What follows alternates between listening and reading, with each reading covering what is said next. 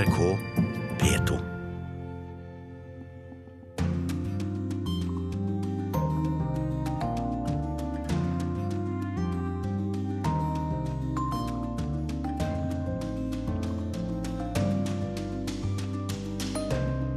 I Fallendam i Nederland driver de med geriljapolitikk mot Gert Wilders i skjul om natten.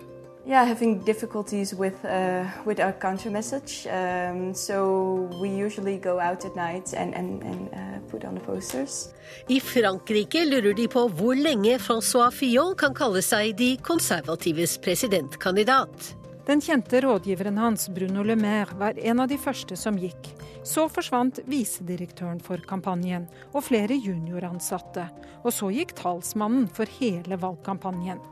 Hvem er det som vil bruke en golfbane til et rakettskjold? Nei, ikke han du tror. Taxfree-butikker hører forresten også med når Kina vil straffe Sør-Korea. Og hva var det egentlig i den teen hun drakk hos teppehandleren, spør Sissel Wold i korrespondentbrevet. Jeg hadde kjøpt nok tepper, syntes jeg, og særlig fra Ameris butikk. Men han hadde andre planer. Vel møtt til Urix på lørdag, jeg heter Wenche Eriksen. Om en og en halv uke går nederlenderne til valg i det som blir den første testen på det ytterste høyres fremmarsj i Europa i 2017. Den suksessrike høyrepopulisten Gert Wilders og hans frihetsparti PVV kan nemlig bli valgets vinner. Vår europakorrespondent Philip Lote har besøkt den lille fiskebyen Follendam, der de ikke liker innblanding utenfra, verken fra egne rikspolitikere eller fra Brussel. Follendam er nå kjent både i og utenfor Nederland som en bastion for Gert Wilders og hans parti. Men en ung kvinne gir Wilders en ny og litt uventet motstand. People from Volendam are uh, presented as uh, as if they were all if the, as if they are all voting for uh, the PVV. So uh, we wanted to change that image, and then we also want to speak to uh, people within our community, especially to young people, that there are people who are not voting for builders. Sanne Schilder kommer fra en konservativ familie med katolske verdier. Hun har vokst opp og bor i det lille fiskersamfunnet Follendam nord for Amsterdam. I forrige EU-valg stemte 50% her på Gert Wilders og hans parti PVV, Frihetspartiet. Under intervjuet banker en mann fra trykkeriet på døren. Sorry for det. Dankjewel. Er flyvebladet fra partiet Gron Links, Grønne Venstre. Sorry, Groenlinks. It's the flyers from uh, Groenlinks, I think. Dette er flyveblader Sanne deler ut på dagtid. På sen kveldstid driver 25-åringen geriljapolitikk. De henger opp plakater rettet mot Gert Wilders. Hun og noen andre unge har dannet gruppen Follendam motstandsbevegelse.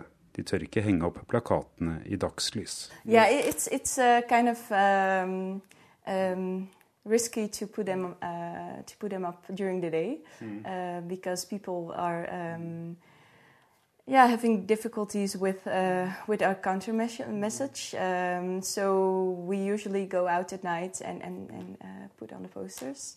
De spiller på Follendams identitet med et fiskesamfunn. Hadde du vært en fisk, Gert, hadde vi kastet deg tilbake, står det på en av plakatene på Follendams egen lokale dialekt. Get the country back to themselves. To make the Netherlands ours again. De andre etablerte partiene har nærmet seg den sterkt innvandringskritiske, EU-fiendtlige og høyrepopulistiske Gert Wilders. Wilders har svart med å bli enda mer ytterliggående i sin retorikk i dette valget. Etter at han i fjor ble dømt for å ha spredt hat mot nederlendere med marokkansk bakgrunn, kalte han marokkanere for avskum i en av sine første opptredener i valgkampen. Det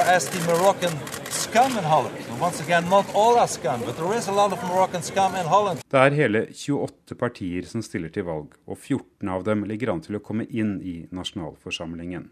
Gert Wilders parti, PVV, er på siste måling kun to mandater fra å gå forbi partiet til den konservative statsministeren Mark Rutte. Det som virker sikkert, er at Nederlands neste regjering blir en koalisjonsregjering, og foreløpig sier alle de andre at de ikke vil samarbeide med Gert Wilders og Frihetspartiet, selv om han skulle bli størst. Wilders tror dette kan endre seg. Uh, then I'm sure there is chance, and you have to forget about all the rhetoric from the other parties. But first, on March 15, Decide, then, um, Første gang Sanne stemte, var det også på et parti til høyre. Well, I voted for uh, a right-wing party a few years ago. Honestly, uh, just because my uh, father told me to do so. Hun skiftet politisk syn etter å ha studert internasjonal lov og menneskerettigheter, og etter praksis og frivillig arbeid i Genéve og Marokko. Men hun anerkjenner at mange av problemene Wilders løfter frem, knyttet til integrering og innvandring, er reelle men at politikken hans ikke virker, og at retorikken hans er farlig og splittende. It's worrying to me that uh, people seem to accept it, that he's uh, calling uh, Moroccan uh, young people scum or um, he's uh, being very rude about Islam uh, as well. Uh, not even only radical Islam, but the, the whole religion. We all have worries about uh, uh, the current um, situation, but I don't, I don't see how voting for the PVV will bring a solution. Imens Gert Wilders tilhengere i Nederland ofte ikke har villet si hvem de støtter, opplever Sanne Skilde at det i Follendam er vanskelig å si at du ikke støtter Wilders. Dødstrusler og vold er noe hun nå må forholde seg til. I, uh, on Facebook, uh, we uh, received some uh, death uh, threats. They call me left, um, left wing, and then then a curse. Um, but also, um, I was kicked once um, by by a, a guy. But, um, sometimes it can be uh, quite violent. Yeah.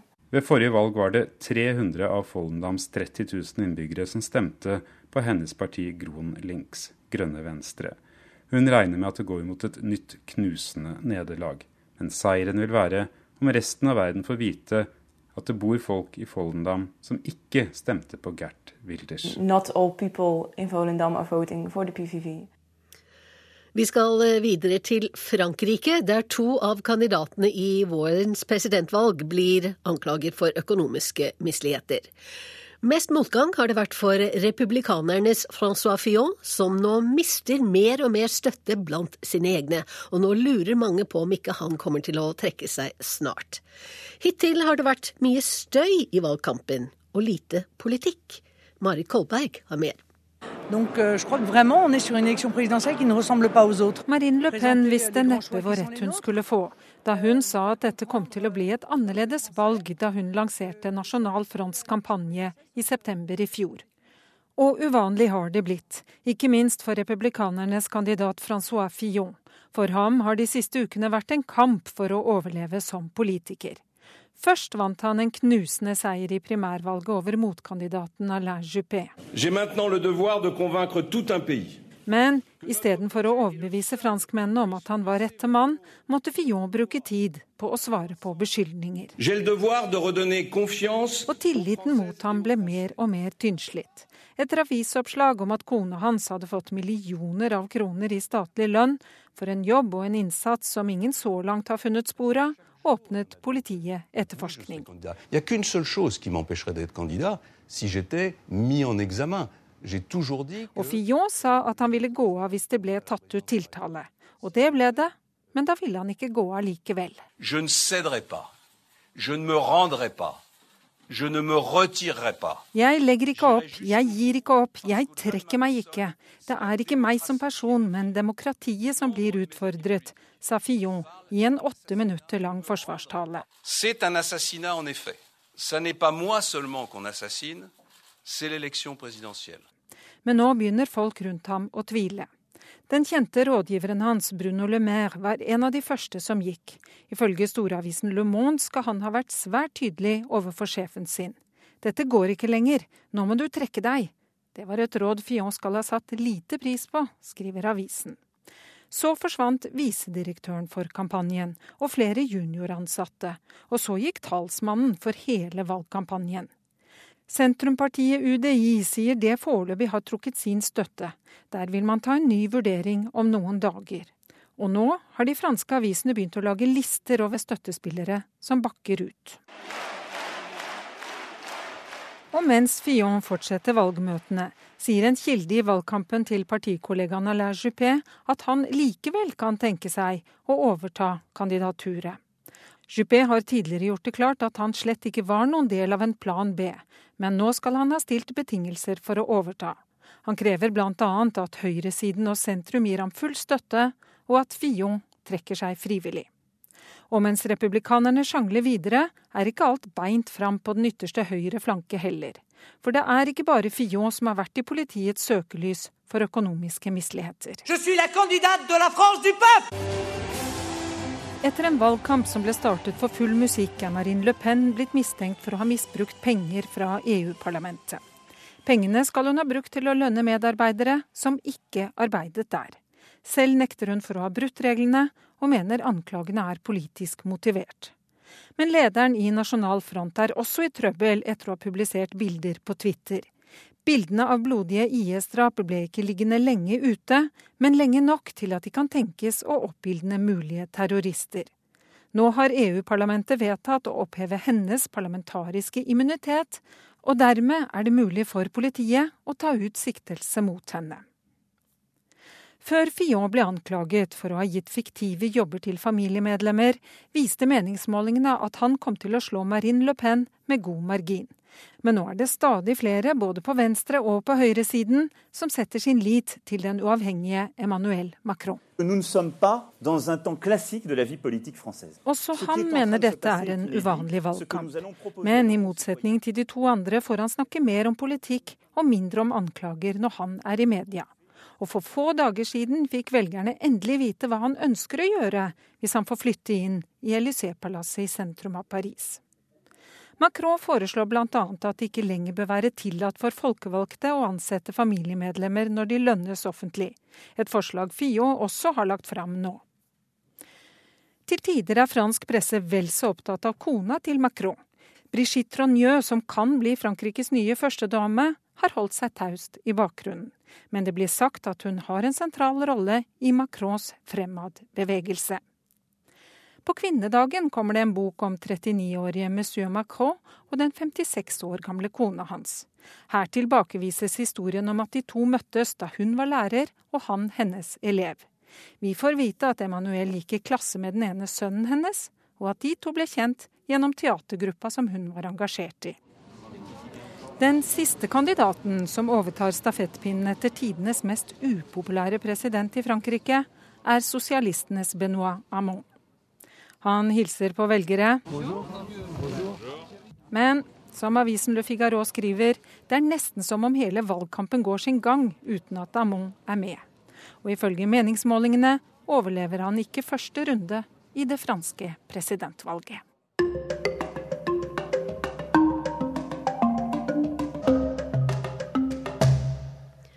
Skottenes motstand eh, til brexit har vi hørt mye om, men hva med Nord-Irland, som mange mener er den regionen som kommer til å merke følgende mest?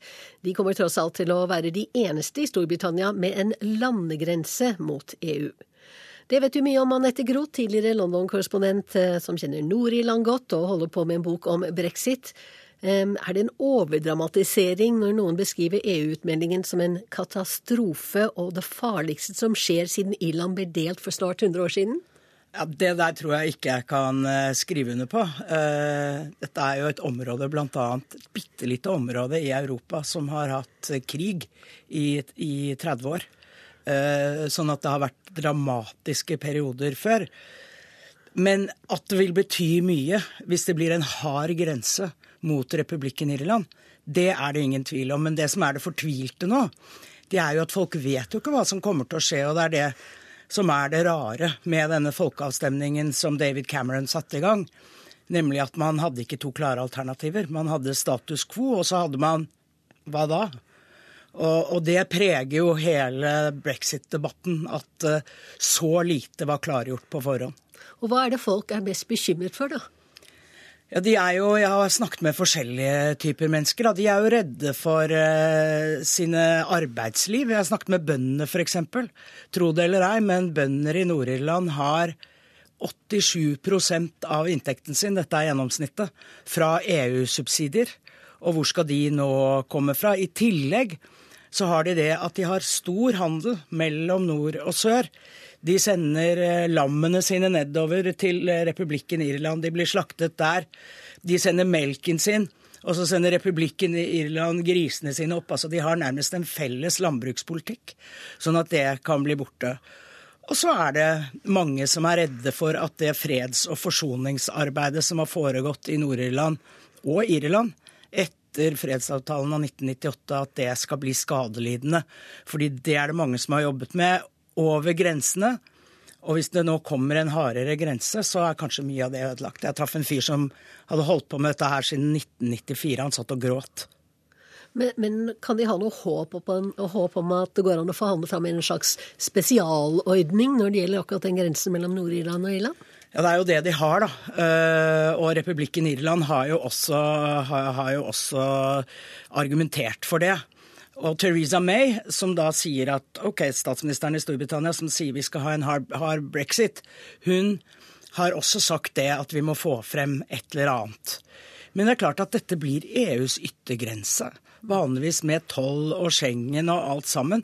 Sånn at det er veldig mange som ikke kan se for seg helt hvordan dette skal skje. Og dette er jo en av de mange tingene som det ikke var tatt høyde for da folkeavstemningen ble holdt. Og det er jo ganske oppsiktsvekkende at den britiske regjeringen ikke hadde noen plan B.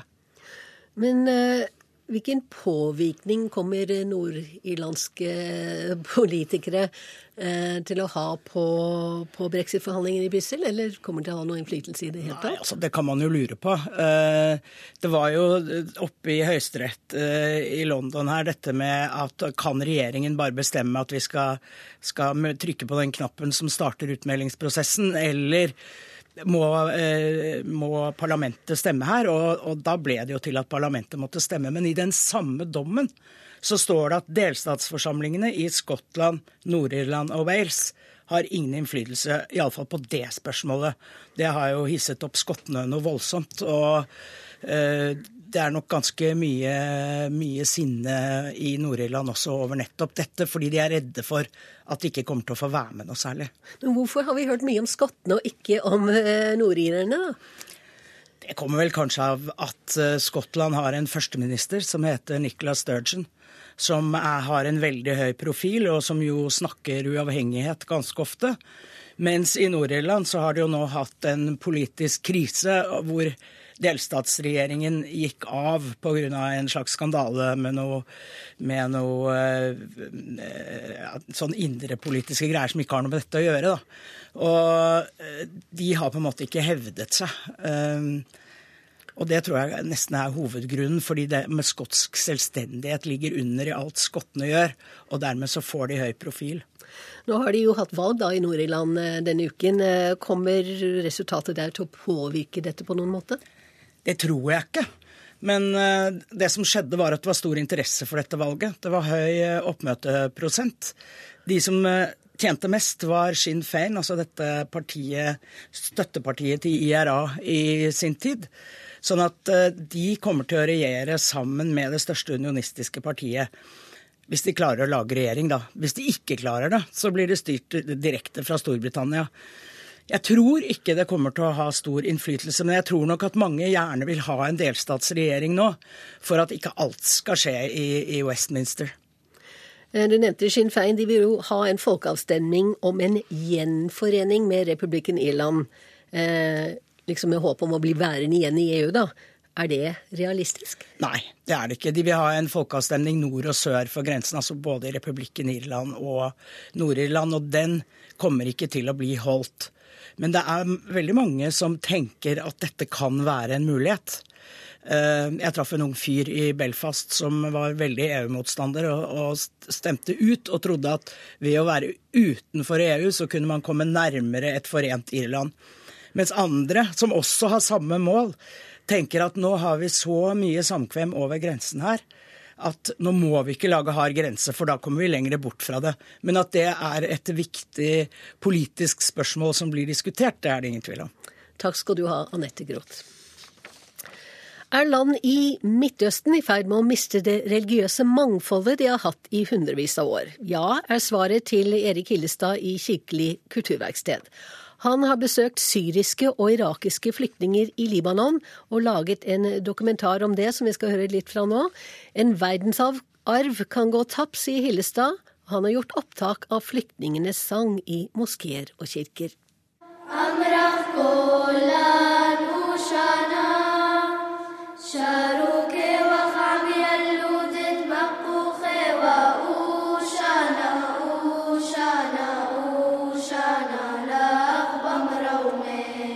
Syriske barn som ikke lenger kan synge i kirken på hjemstedet pga. krigen, synger i en kirke i nabolandet Libanon.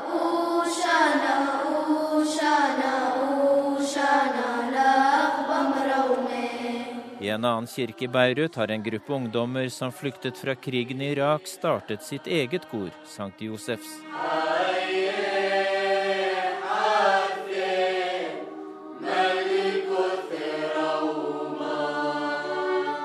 Erik Hillestad i Kirkelig kulturverksted har besøkt kirker og moskeer i Libanon, der det er én million flyktninger fra Syria.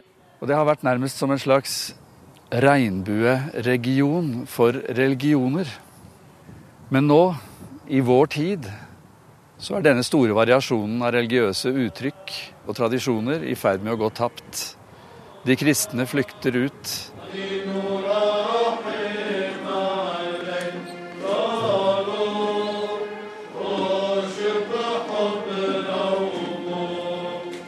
Mange syrere og irakere har funnet sitt nye åndelige hjem i en kirke eller moské i Libanon. I denne ortodokse kirken i Sakle i Bekadalen er også presten fra Syria. Uh, we know that the Christianity and even the Syriac people are going to be punished by the others somewhere, sometimes. So it's not a new, new thing for us. Vi vet fra historien at kristne vil bli forfulgt, men hvor og når vet vi ikke. Det sier presten Jacques Hanna. Jeg sier til alle som søker hit at uansett vanskeligheter, så blir vi ikke forlatt av Jesus, sier presten. Jesus, our Lord Jesus said, I'm with you until the, all the, all the life. He will not leave us. Yeah.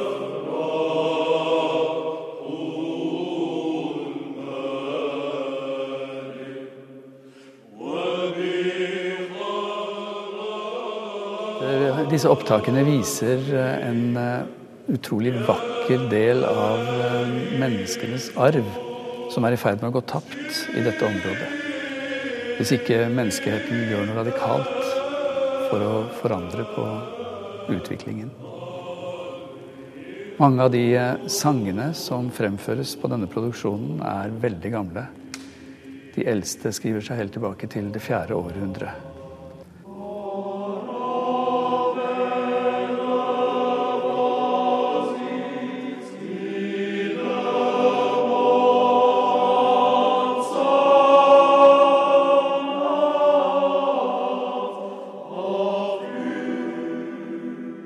Spesielt kristne minoriteter lever i fare i flere land i Midtøsten i dag.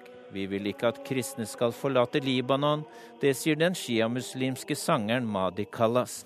We don't want uh, Christian go from here because uh, the the Bilad Sham or Lebanon uh, is beautiful because I see my friend I see the tuqus church how how we det er vakkert når alle religioner er samlet. Det er flott å se hvordan vi tilber Gud på forskjellig vis, sier Madi Kallas, som er en kjent stemme i Libanon.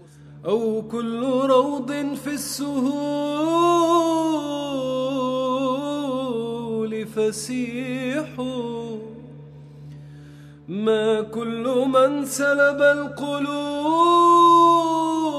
محمد Erik Hillestad i Kirkelig kulturverksted sier at det siden fjerde århundre har vært 20 religiøse tradisjoner i området som utgjør det historiske Syria. Det består av dagens Syria pluss Jordan, Palestina, Libanon og deler av Irak og Tyrkia. Det har vært et finmasket mønster av fredfull sameksistens på tvers av religioner og sekter i hundrevis av år, framover Hillestad. Men ikke nå lenger. Hva kan gjøres for å hindre at hele regionen blir tømt for kristne, spør Erik Hillestad, en ungdom i koret St. Josefs.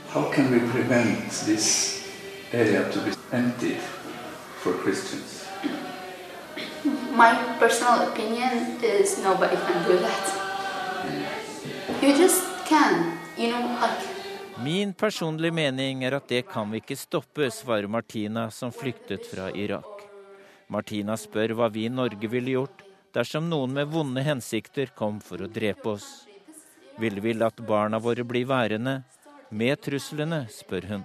Would you, would you still keep your children in that insecure community?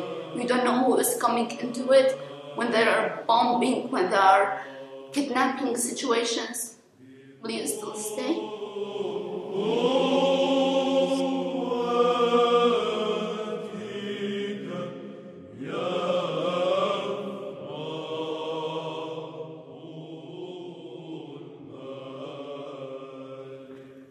Titusener av mennesker har flyktet fra kamper mellom regjeringsstyrker og IS nord i Syria den siste uken, ifølge eksilgruppen Syrian Observatory for Human Rights.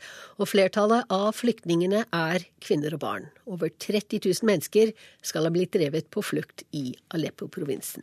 Og reporter i denne saken var Dag Bredvei. Du lytter til Urix på lørdag på NRK P2. Klokka er 11.29. Det handlet mye om europeiske forhold i den første halvtimen av denne sendingen, men bli med oss videre til Colombia, der frister i fredsavtalen blir brutt, og folk er redde for maktvakuumet etter FARC-geriljaen. I Aserbajdsjan minnes de en massakre på 600 sivile på 90-tallet, og i korrespondentbrevet skal vi på teppebasarene i Teheran og Istanbul med Sissel Wold. Og hun lurer på om noe i teen hun fikk servert, fikk henne til å kjøpe mer enn hun hadde tenkt. En golfbane, en taxfree-butikk og beskyldninger om hacking er de siste ingrediensene når Sør-Korea nå planlegger å bygge et rakettskjold mot Nord-Koreas rakettprogram.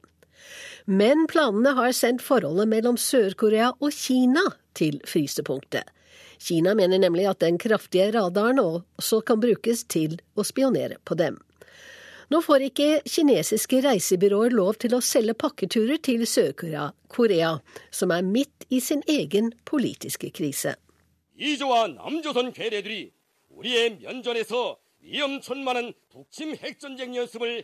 De amerikanske imperialistene og de sørkoreanske marionettene har igjen startet sine militærøvelser mot oss, og vår hær vil møte dem med de tøffeste mottiltak, erklærte en nyhetsoppleser på nordkoreansk TV denne uka. For onsdag startet Foal Eagle, en årlig felles militærøvelse mellom USA og Sør-Korea, der over 300 000 sørkoreanske soldater deltar, sammen med rundt 17 000 amerikanere. Det er en øvelse Nord-Korea hvert eneste år protesterer kraftig mot, men det nye i år er at Kina og Sør-Korea også har røket kraftig uklar med hverandre. Høyresiden i Sør-Korea ønsker seg et rakettskjold nå på plass innen få måneder, og de har hastverk av en spesiell grunn. Sør-Koreas konservative president Park har trådt til side etter en korrupsjonsskandale, og i løpet av noen måneder nå må Sør-Korea holde nyvalg. Demokratipartiet, som ligger best an på meningsmålingene, vil slett ikke ha noe rakettskjold, så det må stå ferdig før valgresultatet blir klart. Og for å få til det har regjeringen lett i ekspressfart etter tomter. De har funnet en golfbane utenfor hovedstaden Seoul som har en passende beliggenhet for radar- og rakettbatterier. Golfbanen er eid av industrikonglomeratet Lotte Group, som ved siden av hoteller og golfbaner også bl.a. driver taxfree-butikker og kjøpesentre i Kina. Og denne uken godkjente styret i Lotte en avtale om å la den sørkoreanske regjeringen overta golfbanen, mot at Lotte får et stykke jord et annet sted. Ikke før var avtalen godkjent, så ble selskapet Lottes nettsider hacket, angivelig fra en kinesisk internettadresse. 我也注意到了有关报道，呃，关于黑客攻击问题，我想我们多次强调。som vi har sagt mange ganger før, er vi motstandere av hacking og villige til å jobbe med andre land for å øke sikkerheten på internett, svarte UDs talsmann Geng Shuang da han ble bedt om å kommentere beskyldningene her i Beijing i går. Kina misliker nemlig sterkt disse planene om et rakettskjold. De mener det i realiteten dreier seg om en amerikansk opprusting på Koreahalvøya, der skjoldets kraftige radar også kan brukes til å spionere på kinesisk luftrom. Den kinesiske avisen Folkets Dagblad skriver på lederplass at Kina må boikotte Lotte Group, som også har 80 supermarkeder i Kina og mange taxfree-butikker som er populære blant kinesiske turister. De siste dagene har Lottes butikker her i Kina blitt møtt med helt nye og strenge inspeksjoner og påfølgende store bøter.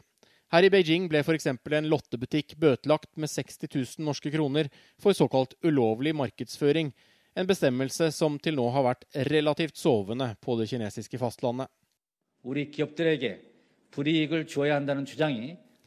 Vi er bekymret over at noen av våre selskaper diskrimineres i Kina, sier Sør-Koreas talsmann Cho Jun-huk, men sinnet kommer ikke bare fra den kinesiske regjeringen.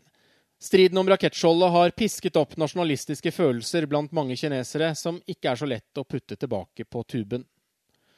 Om rakettskjoldet blir noe av, så må det altså skje før regjeringsskiftet i Seoul om noen måneder, og en 18-hulls golfbane må ryddes for å gi plass til radar og rakettbatterier. Men prisen er altså kinesisk sinne og boikott og tomme taxfree-butikker enn så lenge. Og det var det Asia-korrespondent Peter Svaar i Beijing som sa.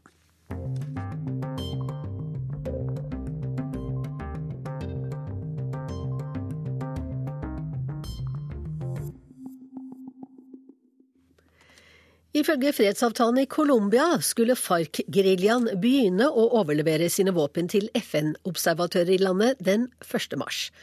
Men det skjedde ikke. Det er meldt om forsinkelser, og foreløpig er det bare levert en oversikt over våpnene som skal overleveres. Marta Rubiano Skretteberg er generalsekretær i hjelpeorganisasjonen Caritas og colombianer. Jeg har spurt henne hva som er grunnen til at FARC ikke har gjort som de skulle. Ja, Det er tre måneder siden fredsavtalen ble signert i Colombia. Eh, prosessen etter det har vært preget av forsinkelser. Tidsfrister har ikke blitt overholdt. Dette skal, har skapt stor frustrasjon hos FARC. Eh, F.eks. når de har ankommet til oppsamlingsleirer, har disse vært langt ifra eh, ferdigstilt. Eh, de har eh, f.eks. ikke kjøkken, ikke dusjmuligheter og til og med mangel på mat. Eh, noen av disse forsinkelser skyldes eh, det overraskende valgresultatet i oktober, da befolkningen sa nei eh, til fredsavtalen. Og da stoppet opp prosessen. Dette har selvsagt vært med på å forsinke det hele. Men vi må huske på at myndighetene fortsatt har ansvar for å gjennomføre det ifølge avtalen. Men er det et faresignal signal for selve fredsavtalen at fristen ikke ble overholdt? Og ja, at, ting, at, ting, ikke går som planlagt? Ja, det er det. Eh, selv om myndighetene sier at hele avvæpningsprosessen skal være Eh, skal avsluttes 31. mai, som opprinnelig planlagt. Eh, dette til tross for forsinkelser nå, og at er no, de er nå på etterskudd. Det at prosessen ikke har gått på skinner, kan eh, som nevnt forklares med logistikkproblemer og et uventet valgresultat, men det underslår ikke at det faktum at myndighetene må ta ansvar for at det gjennomføres. Faren ved eventuelle ytterligere forsinkelser er økt frustrasjon hos FARC-soldater. Og de kan la seg friste til å slutte seg til kriminelle gjenger eller til geriljabevegelsen ELN, som fremdeles ikke har undertegnet noen fredsavtalen med regjeringen, selv om de er midt i, oppe i forhandlinger. Mm. Du har jo nettopp kommet tilbake fra en, en tur eh, til Colombia og har kjørt fra Bogotá og ut på landsbygda. Hva sier folk du snakker med ja, eh, det stemmer. Eh, jeg har vært eh, ute på flere områder.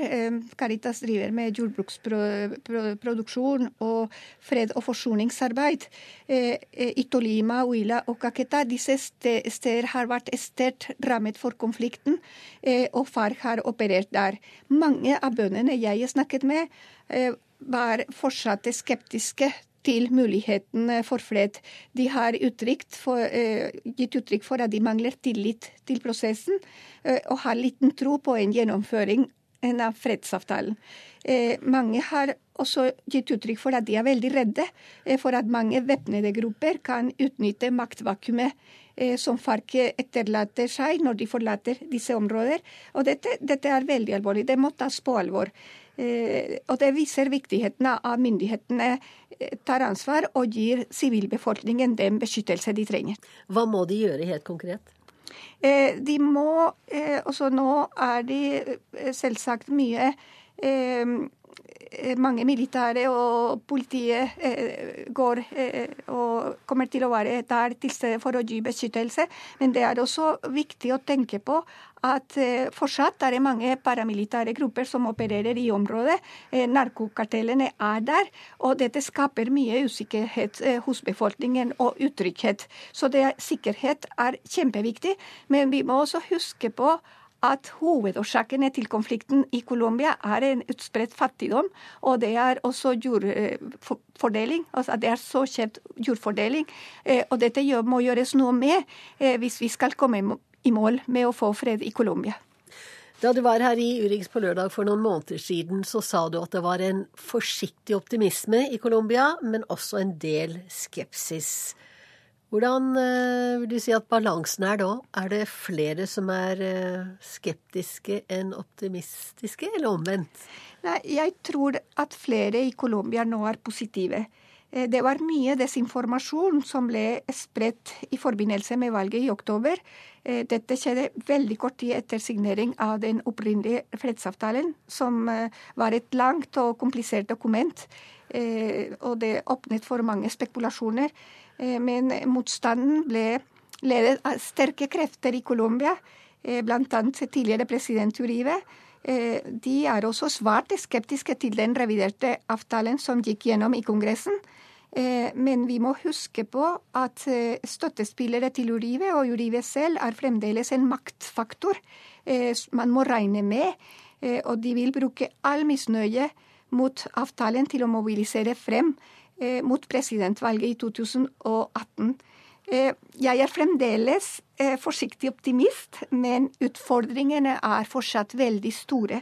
De ulike prosessene vi er i nå, vil avgjøre om 2017 blir det endelige gjennombruddet for fred i Colombia.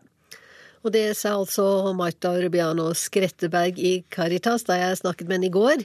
I dag er utenriksminister Børge Brende i Colombia, og han skal være der for å drøfte gjennomføringen av fredsavtalen som Norge jo har vært en tilrettelegger for. Han skal snakke både med myndighetene der og med andre parter og med sivile organisasjoner. De siste to ukene er minst seks soldater drept i kamper rundt den armenske enklaven Nagorno-Karabakh i Aserbajdsjan. Samtidig har landet markert, over hele verden faktisk, at det er 25 år siden den såkalte Kojali-massakren. Aserbajdsjanske myndigheter mener at mer enn 600 sivile ble drept av armenske styrker der. Armenia kontrollerer i dag store deler av den vestlige delen av Aserbajdsjan, men aserbajdsjanerne prøver nå, med inntekter fra oljeindustrien, til å få verdens fokus på det de mener er en historisk urett. Morten Jentoft har sendt oss denne reportasjen fra Moskva og forklarer litt mer. Notch, 25. 26 hun er liten og mørk, Leila Alieva, der hun står på scenen i det store møtesenteret på Hotell Ukraina i Moskva. Natten mellom 25. og 26. februar 1992 så ble 612 sivile, hvorav 106 kvinner og 63 barn, drept av armenske væpnede grupperinger i byen Hochali, sier Alieva med fast stemme. Mens vi ser et stort bilde med underskriften 'Rettferdighet for Hochali' bak henne. Aserbajdsjan er et fredelig land, sier Leila Alieva, som ikke er hvem som helst, og det store trekkplasteret for dette arrangementet, som har samlet hundrevis av mennesker i den russiske hovedstaden.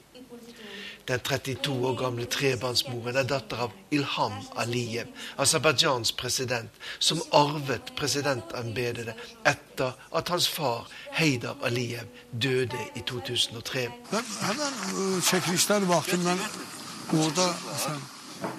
Og det var forferdelige scener som møtte de første hjelpemannskapene som med helikopter kom fram til områdene utenfor Hachali 26.2.1992. De aserbajdsjanske fotografene Cengiz Mustafajev og Seidag Movsumov kunne vise bilder av døde mennesker, kvinner og barn og gamle, noen av dem tilsynelatende regelrett henrettet på kloss hold. Hendelsene i og rundt Huchali er trolig de verste massakrene som har skjedd under den snart 30 år lange konflikten mellom Armenia og Aserbajdsjan, og overgås i vår del av verden bare av folkemordet i bosniske Srebrenica noen år seinere. Byen Huchali ligger ikke langt fra hovedstaden i Nagorno-Karabakh, Stepanakert, og hadde en strategisk viktig betydning fordi der ligger den eneste flyplassen i området.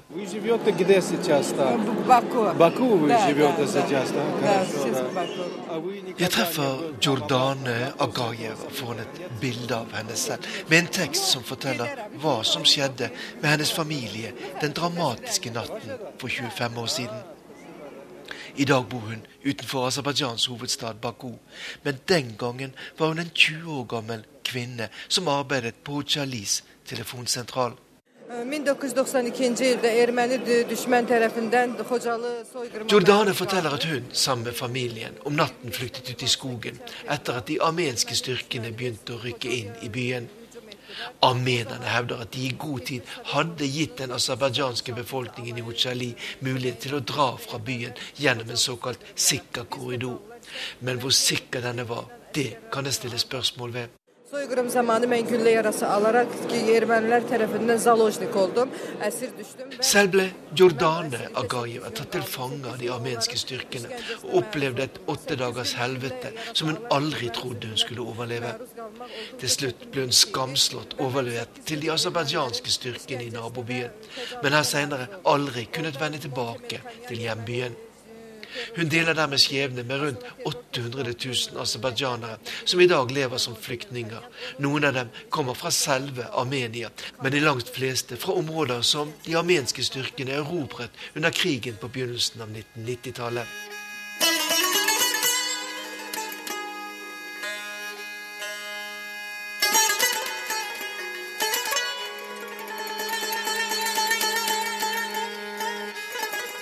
Konflikten mellom Armenia og Aserbajdsjan om Nagorno-Karabakh er en av de blodigste og mest brutale i vår del av verden de siste ti årene.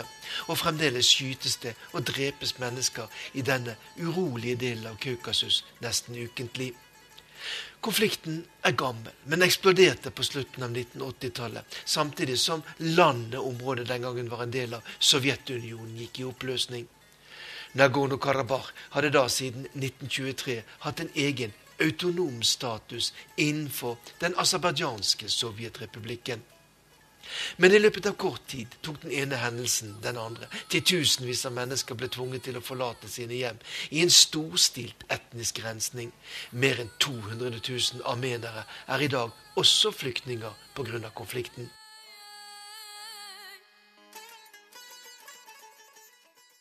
мы верим, что в скором времени справедливость восторжествует.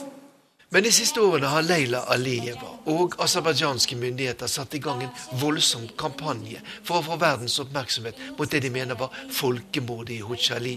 En klar parallell til den kamp som Armenia har ført for å få verden til å anerkjenne hendelsene i det ottomanske imperiet under første verdenskrig som et folkemord på dem.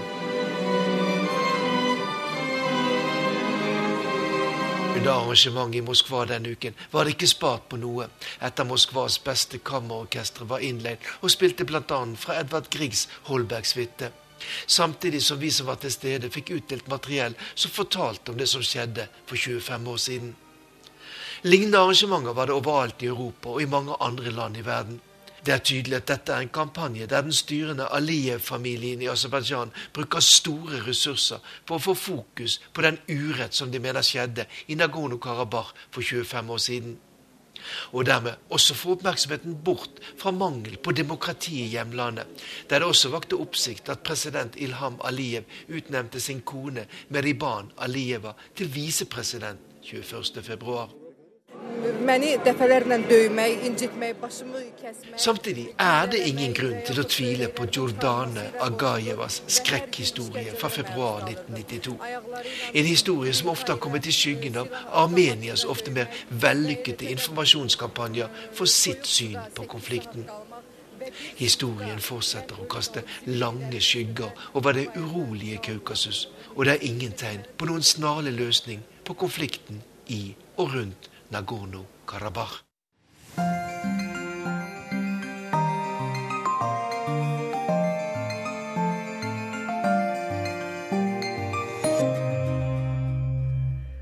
Hvor mye er egentlig et persisk teppe verdt?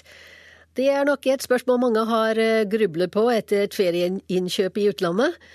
Også Sissel Wold, som har skrevet ukens korrespondentbrev fra teppebasarene i Teheran og Istanbul. Hva var det egentlig i den teen? Fikk vi servert te med safran?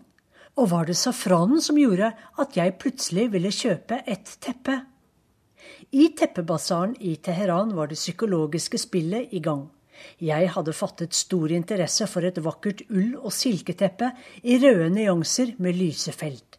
Mønsteret var annerledes og originalt. Nå gjaldt det å late som ingenting. For denne gangen var jeg i teppehandler Naderi Ameris innholdsrike butikk for å jobbe. Vi skulle filme en sak til Dagsrevyen om hvordan de internasjonale sanksjonene rammer iranske forretningsfolk som har kunder fra utlandet.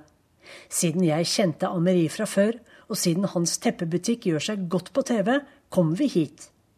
Jeg hadde kjøpt nok tepper, syntes jeg, og særlig fra Ameris butikk. Men han hadde andre planer. Da vi satt og småsnakket etter at opptakene var gjort, ble teppehandlernes viktigste våpen båret inn på et fat. Te i glass. Nå gjaldt det å stålsette seg. Det er to ting jeg sjelden har dårlig samvittighet for å bruke penger på.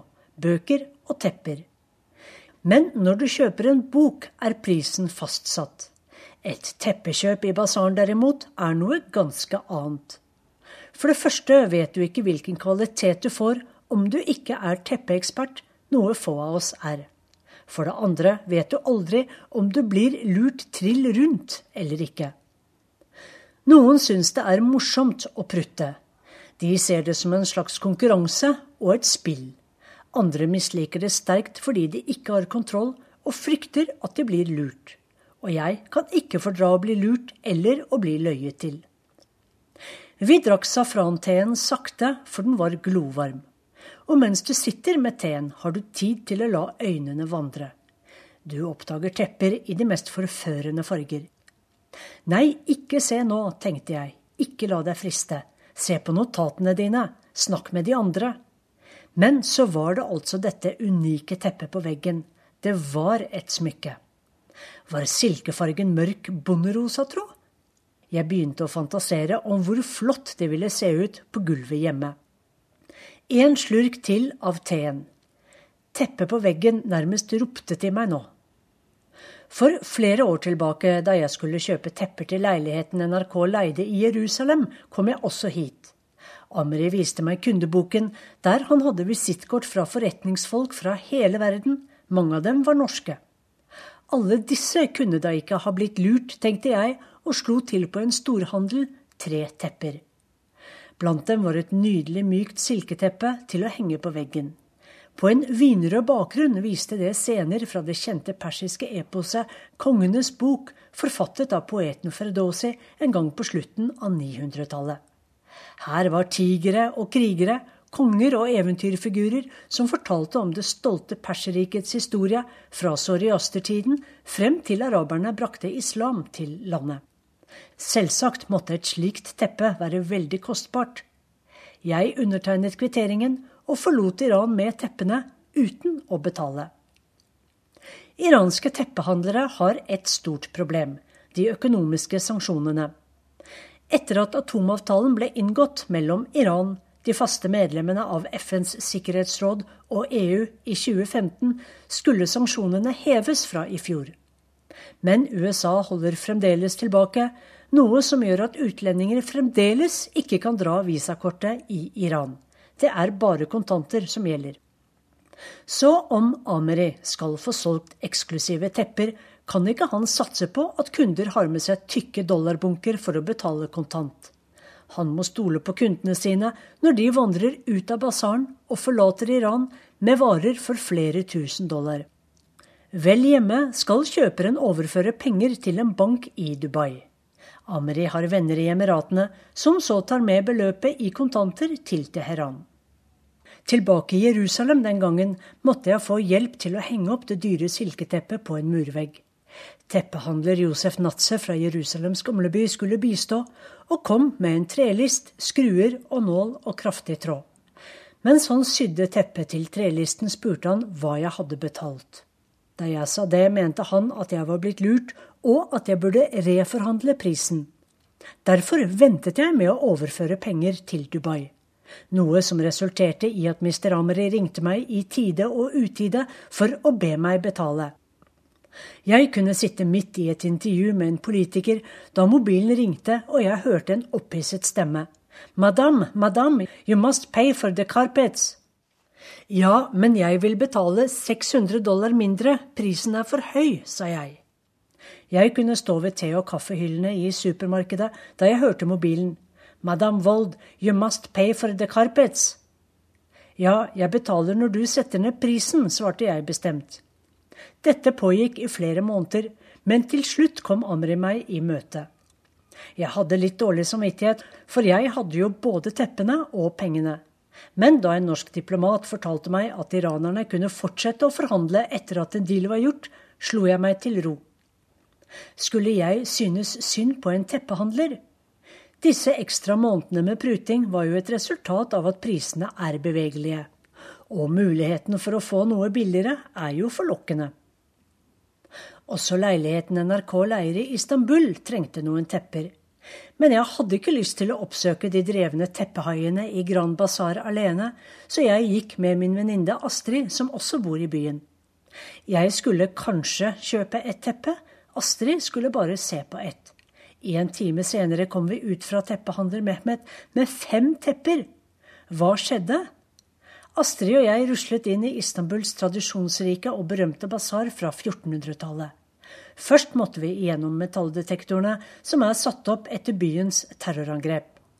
Av samme grunn er det ganske glissent i basaren om dagen. Ingen turister er å se nå.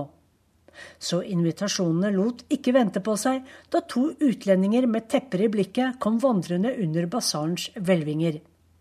Etter hvert gikk vi nølende over dørstokken til teppehandler Mehmet Yildiz. Vi vil bare se litt, og vi skal se i flere butikker. Det er slett ikke sikkert at vi skal kjøpe noe heller, så vi bestemt. Han måtte ikke komme her. Men Mehmet, han kunne jobben sin.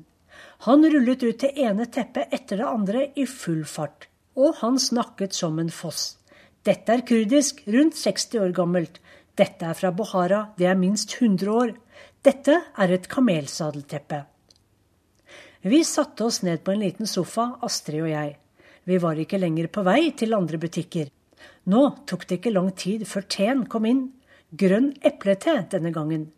Du vet det at om vi drikker teen, ja, så må vi kjøpe noe, sa Astrid på norsk. Sett dere godt til rette og drikk teen i fred og ro, sa Mehmet mens han rullet ut en lang løper. Vi var over i handelens neste psykologiske fase, den før kjøpet. Jeg tenkte på hvor vanskelig basarmennene må ha det nå. Flere av butikkeierne jeg har snakket med i Grand Bazaar, sliter med å betale husleien, og de må stenge om ikke turistene snart kommer tilbake. Så hvor mye skulle vi egentlig prutte? Jeg løftet teglasset, for det var jo synd å la god eplete bli kald. Nå måtte vi kjøpe noe. Vi hadde vært i butikken lenge, drukket te, og vi satt i grunnen ganske godt. Jeg så på den lange løperen i vinrødt, dypt blått, hvitt og svart. Den passet perfekt i min gang. Og den ble bare vakrere etter at jeg hadde drukket teen. Mehmet gestikulerte, bar og brettet ut og trillet ut tepper på gulvet i ett sett. Han var svett og kastet av seg genseren og brettet opp skjorteermene og tørket pannen. Nå tråkket han rundt på det lange teppet som passet så godt i min gang. Og hadde han ikke på seg utesko, på mitt teppe? I hodet var teppet allerede blitt mitt. Astrid ville kjøpe et teppe til sønnen sin, og fant et i høstfarger. Har du flere barn? spurte Mehmet håpefullt. Jeg har en sønn til. Ah, to sønner. Et nytt lass med jordfargede tepper og kilims lå med ett på gulvet. Astrid kjøpte ett til hver sønn. Og ett til, og jeg kjøpte to. Vi fikk prisene ned. Men hva var teppene egentlig verdt? da jeg diskuterte teppehandelens psykologiske faser og spill med tyrkiske venner denne uken, sa de alle men du må da aldri kjøpe tepper i Grand Bazaar, der er de overpriset. For å føle meg litt bedre leste jeg i en Tyrkia-guide at du må bestemme deg for hva et teppe er verdt for deg. Og be folk som leker 'jeg fikk et teppe billigere enn deg'-spillet om å finne seg noe annet å gjøre i livet. Nå ligger det lange teppet fra Mehmet vakkert i gangen min, og jeg har fortrengt hva jeg ga for det. Hva skjedde med det lyse teppet fra basaren i Teheran? Hva jeg betalte for det, husker jeg ikke lenger, men jeg nyter synet av det vakre mønsteret hver eneste dag. Og det er det viktigste sa Sissel Wold. Dermed er det slutt på denne Urix på lørdag-sendingen, der vi faktisk ikke har nevnt Donald Trump én en eneste gang før nå. Teknisk ansvarlig Marianne Myrhol, produsent Kari Ørstavik, og her i studio satt Wenche Eriksen.